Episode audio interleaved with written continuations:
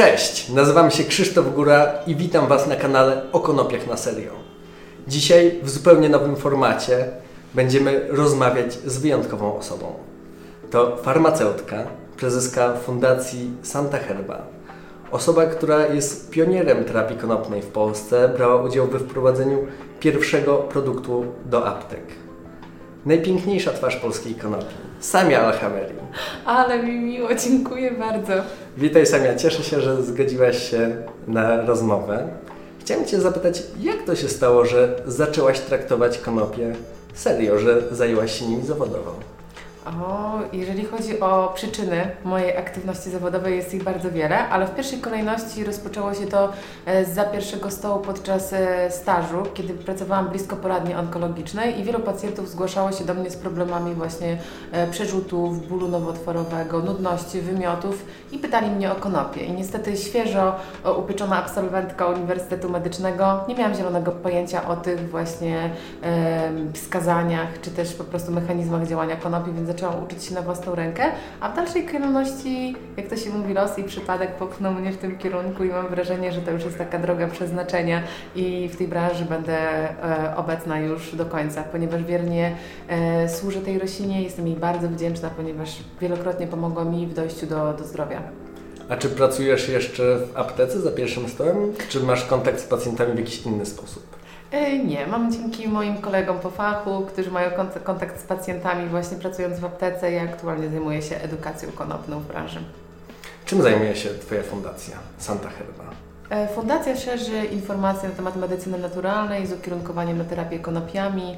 E, w skład Rady Naukowej Fundacji wchodzą wyjątkowe osoby, wyjątkowe persony, które moim zdaniem są takimi opinion liderami, jeżeli chodzi o, o tę branżę. Moim celem jest przede wszystkim może redukcja stereotypów, wyjście, wzniesienie się poza te e, dogmaty, bo myślę, że to właśnie dogmaty dotyczą rośliny konopi e, i szeroko pojęty rozwój świadomości, czyli e, jakby zmiana postrzegania rzeczywistości w ujęciu fitoterapii. Moim zdaniem fitoterapia, przede wszystkim terapia konopiami powinna być takimi rozwiązaniami pierwszego rzutu, jeżeli chodzi o ból, przewlekłe stany zapalne czy choroby autoimmunologiczne, tam gdzie medycyna ma wieczny znak zapytania to zupełnie inaczej niż właśnie próbuje nam się wmawiać, że konopie są terapią ostatniego rzutu. Myślisz, że ta zmiana już się dokonuje, czy będziemy musieli poczekać na to, aż konopie będą częściej stosowane jako podstawa terapii? Hmm, to jest dobre pytanie. W zasadzie wydaje mi się, że ten medal ma dwie strony. Z jednej strony, jeżeli faktycznie e, jest to terapia pierwszego rzutu, to niestety pacjenci robią to na własną rękę, czyli po prostu rezygnują z wszystkich możliwych e, wskazań, które kierowali lekarze specjalisty i szukają pomocy na własną rękę. E, ale widzę też, że w towarzystwach medycznych wśród lekarzy, farmaceutów e, czy rehabilitantów medycznych, fizjoterapeutów pojawia się też taka lampka, szczególnie po tym okresie pandemicznym, że no, mimo wszystko ta medycyna kliniczna, interwencyjna, ona ma swoje, swoje wady i zalety. Nie zalety i wady, ale raczej tutaj odwrotnie powinniśmy do tego podejść. E, I e, myślę, że współczesna medycyna robi krok do tyłu, wiedząc, że może zrobić dwa kroki do przodu, czyli w pierwszej kolejności fitoterapia, czyli zaangażowanie w całego takiego ekosystemu, którego mamy dookoła. Przecież sama galantamina, która jest wykorzystywana w terapii choroby Alzheimera, pozyskiwana jest z bulwy, bulwy przebiśniegu, więc ta natura nie jest nam obca. E, w okulistyce atropina, prawda? Więc myślę, że konopie będą traktowane bardzo podobnie, ale to wymaga właśnie edukacji, więc cieszę się, że teraz rozmawiamy, bo może ktoś obejrzy ten materiał i komuś to pomoże właśnie w rozwoju świadomości. Mam nadzieję, że obejrzy jak najwięcej osób. Tak. A powiedz, jak sądzisz, jak powinniśmy traktować konopie? Czy właśnie jako lekarstwo, czy może jako narkotyk, tak jak jeszcze kilka lat temu były one wyłącznie traktowane? Czy może powinny być używką dostępną tak powszechnie jak alkohol czy papierosy? Mhm. Mm jeżeli pytasz o moje prywatne zdanie. O Twoje prywatne sami Alhameri. Ja uważam, że zakazany owoc y, w ujęciu po prostu naszej y, y, psychiki, czy w ogóle neurofilozofii, to nie jest coś, co działa.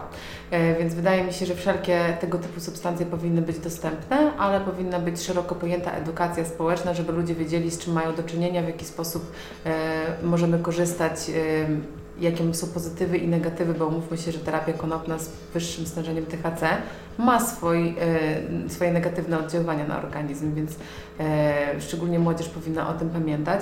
Jeżeli chodzi o terapię konopiami, to uważam, że należy uważać ze stosowaniem THC poniżej 20 roku życia, kiedy ten mózg naprawdę się jeszcze kształtuje, bo mogą się pojawić pewnego rodzaju zaburzenia społeczne, poznawcze.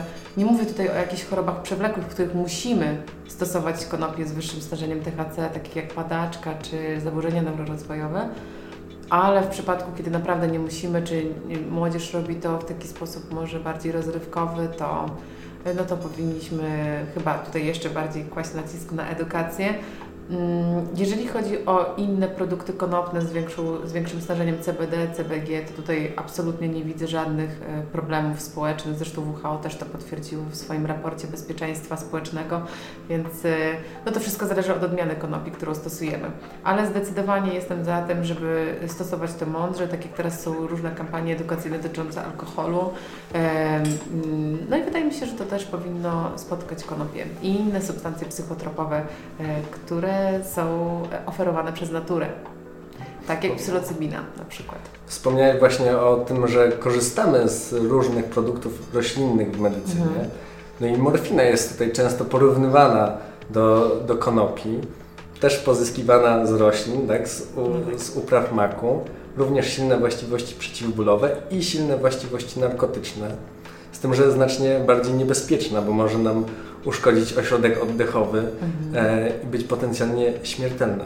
No i wydaje mi się, że morfinę traktujemy głównie jako lekarstwo. Nie ma w Polsce dużego problemu nadużywania morfiny, nie jest ona dostępna powszechnie i pewnie ci, którzy chcą ją wykorzystać do odurzenia się, są w stanie uzyskać receptę, ale generalnie traktujemy jako lek. Według mnie tą samą stronę powinno to pójść z konopiami, bo jestem przekonany, że konopie leczą i to jest ich podstawowa funkcja. O, mam ciarki, jak to powiedziałeś. Faktycznie tak jest, że nie powinniśmy w ogóle, nie wiem skąd się, wzięło, e, skąd się wziął ten podział, że chcemy konopie wyłączyć i w ogóle boimy się powiedzieć, że one leczą, ale, ale dobrze, że jesteś na tyle odważny. Zresztą myślę, że Twoja odwaga jest poprzedzona licznymi badaniami naukowymi, więc, więc faktycznie możemy wspólnie stwierdzić te, i, i wyciągnąć taki wniosek z naszej rozmowy, że konopie to lekarstwo. A z Twojego doświadczenia jako też terapeutki konopnej, konsultującej pacjentów, e, w jakich schorzeniach, w jakich dolegliwościach widzisz najlepsze efekty stosowania produktów na bazie konopi? Mm, zdecydowanie wygaszanie stanów zapalnych. E, co za tym idzie, zmniejszenie dolegliwości bólowych, a to znowu kaskadowo uruchamia program e, zmniejszania przypadków zachorowalności na depresję, która niestety jest następstwem przewlekłego bólu w około 70%. E, więc też sam ból powoduje różne reakcje ze strony autonomicznego układu nerwowego, e, ze strony układu ruchu, pojawiają się jakieś lordozy, grymasy twarzy, e, czy też zmiany psychiczne, fobie, tiki, więc tych wszystkich następstw możemy uniknąć stosując konopie, ale chyba jeszcze jednym, w zasadzie ciężko mówić tutaj o jednostce chorobowej, taką grupą zaburzeń dotyczących snu, E, trudności w zasypianiu, podtrzymaniu. E, tutaj widzę ogromną skuteczność w wyjściu z uzależnień od leków nasennych, tych konwencjonalnych, które niestety uzależniają, jak dobrze wiesz, jako farmaceuta po jednym razie. I mają bardzo dużo działań niepożądanych. Tak. Tak, dokładnie. No pacjenci niektórzy nie potrafią nawet w fazę REM zapaść e, przez około dwa lata od stosowania takiego leku, więc przy, przywrócenie tego snu głębokiego, tego systemu regeneracji no, potrafi zatrzymać młodość i też wpłynąć na to, że jednak pacjent będzie e, zdrowy. A czy są jakieś takie nowe ścieżki terapeutyczne dla konopi, które otworzyły się niedawno, jakieś ciekawe badania czy możliwości zastosowania, które Cię ostatnio zainteresowały, zaintrygowały? Myślę, że to stosowanie konopi w kierunku e, leczenia otyłości określenie, że układ endokanabinoidowy jako strażnik równowagi e, dba o tę homeostazę, ale to, co było dla mnie ogromnym zaskoczeniem, to, że wydawałoby się, że pewne czynniki zewnętrzne mogą wpłynąć na dysfunkcję tego układu, ale może być również odwrotnie, czyli e, rozregulowanie układu endokanabinoidowego może powodować zespół metaboliczny. Mhm. Czyli bardzo często jak pacjentka zgłasza się z otyłością, z cukrzycą, z nadciśnieniem, to może się okazać, że działanie różnymi lekami na poszczególne dolegliwości nie przyniesie żadnego skutku, bo wystarczy wprowadzić fitoterapeutyki, yy, fitokanabinoidy i po prostu układ endokanabinoidowy robi robotę za nas. Ale jestem zdziwiony, że mówisz o stosowaniu konopi w leczeniu otyłości, no bo powszechnie się kojarzy, że przecież jak zapalimy sobie marihuanę, no to mamy gastrofazę, zwiększa tak. się apetyt, biegniemy do lodówki, wyjadamy wszystko, co tam jest. To jak to jest możliwe, że do leczenia otyłości mamy stosować konopie? No, zdecydowanie to zależy od y, ekspresji naszych genów, więc to jest kwestia zupełnie indywidualna, ale wiem, że ci, którzy stworzą sobie zdrowe nawyki, nawet w postaci niejedzenia po stosowaniu THC, to ten, y, te, to obniżenie poziomu glukozy powoduje właśnie taki efekt metforminy, więc, e, więc jeżeli przezwyciężymy, można powiedzieć, aktywację osi podwzgórza, e, efekty będą naprawdę rewolucyjne. Jestem przekonany, że będą badania w tym temacie, ponieważ leczenie otyłości to jest coś, co interesuje coraz większą grupę w naszym społeczeństwie. Tak, szczególnie w dobie przetworzonej żywności. Niestety, gdzie nie jest mhm. łatwo odżywiać się zdrowo i dobrze. Samia, wyobraź sobie, że dzwoni telefon, odbierasz, a tam pan premier Morawiecki mówi, że wszedł na stronę santaherba.pl i myślą nad tym, co można zrobić, żeby branży konopnej czy dla pacjentów konopnych było lepiej. I Pani Samio, co by mi Pani doradziła? Jakie zmiany w prawie powinny się zadziać? Boże, właśnie wszedłeś w tryb moich marzeń chyba, naprawdę. Jeżeli Dokładnie. Pan Premier Morawiecki by do mnie zadzwonił, to w pierwszej kolejności na pewno e, zarekomendowałabym mu mikrodozowanie i suplementację kanabinoidami, ponieważ mogłoby to spowodować jakąś kaskadę ogłady w jego myśleniu. E, natomiast przede wszystkim uruchomiłabym program edukacji młodzieży. Nie dotyczył on by tylko i wyłącznie terapii konopnej, ale uważam, że każdy człowiek na świecie, zgodnie z zasadą Hipokratesa, powinien wiedzieć w jaki sposób może leczyć swoje choroby, powinien być świadomy swojego ciała. I tego mi brakuje w takiej polskiej edukacji edukacji, tego, że y, każdy z nas ma taki komplet wiedzy, y, takich jak w zakresie, w zakresie historii, ortografii i tak dalej. Po prostu y, powinniśmy wiedzieć, jak funkcjonuje nasze ciało i jakie możliwości oferuje nam natura. Moim zdaniem młodzi ludzie powinni wiedzieć, co to jest kawa, herbata, nie tylko z punktu widzenia po prostu samego składu, ale jaki to efekt wywiera na, na ich organizm. To spowoduje świadomość, ponieważ lekarstwo jest pożywieniem i pożywienie lekarstwem. Ponadto, jak już mówimy takie bon moty, wszystko jest trucizną i nic nie jest trucizną. Samia, jesteś w tej polskiej branży konopnej obecna właściwie od samego początku. Jak byś oceniła, jaką drogę wykonaliśmy przez te kilka lat? Co się udało, a co jeszcze powinno być do poprawy? Mhm. E, z natury jestem idealistką i optymistką, więc uważam, że w ciągu tych kilku lat, szczególnie od momentu zarejestrowania surowca, tego pierwszego surowca, no mamy teraz aktualnie podczas naszej rozmowy, jak sprawdzałam niedawno, 14 zarejestrowanych e, produktów na bazie konopi. Uważam, że to jest ogromny sukces. Niemniej jednak uważam, że um, czegoś mi tutaj zabrakło. E, mam, pozostaje taki niesmak. Uważam, że ta branża e, przez zawiłości prawne, przez brak regulacji dotyczący suplementów diety, dotyczący e, funkcjonowania konopi innych niż włókniste spowodowała, że sami sobie strzeliliśmy w kolano.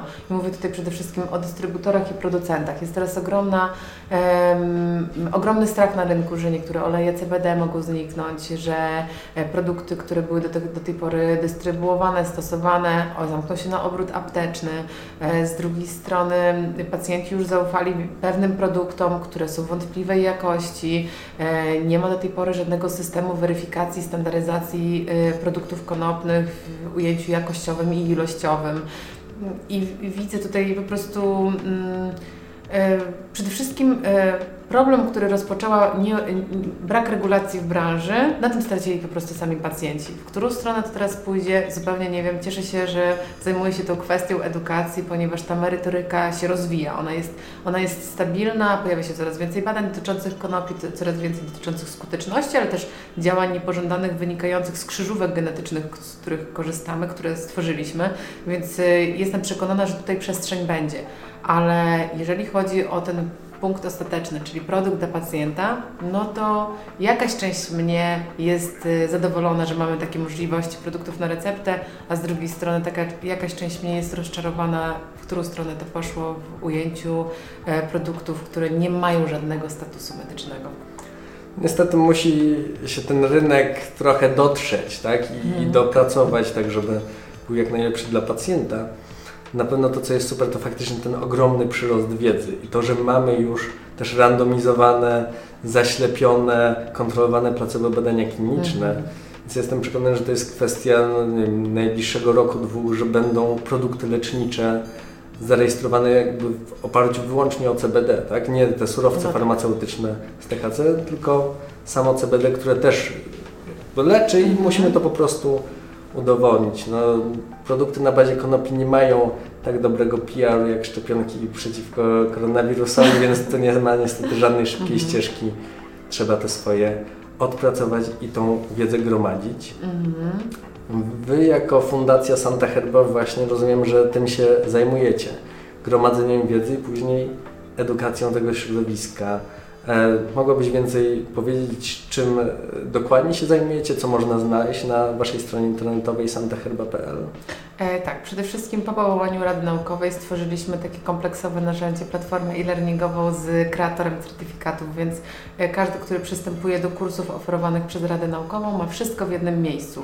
Wiedza w każdym miejscu, o każdej chwili i z punktu widzenia myślę, że dostępu do takich najnowszych badań to jest najważniejsze, więc my przede wszystkim oferuje, oferujemy e, ludziom niezależną i rzetelną wiedzę, która nie jest sponsorowana przez żadne firmy farmaceutyczne, która jest po prostu takim kompleksem informacji, komplek- kompleksem analiz przez opinion liderów z branży. Myślę, że to jest bardzo cenne w tych czasach.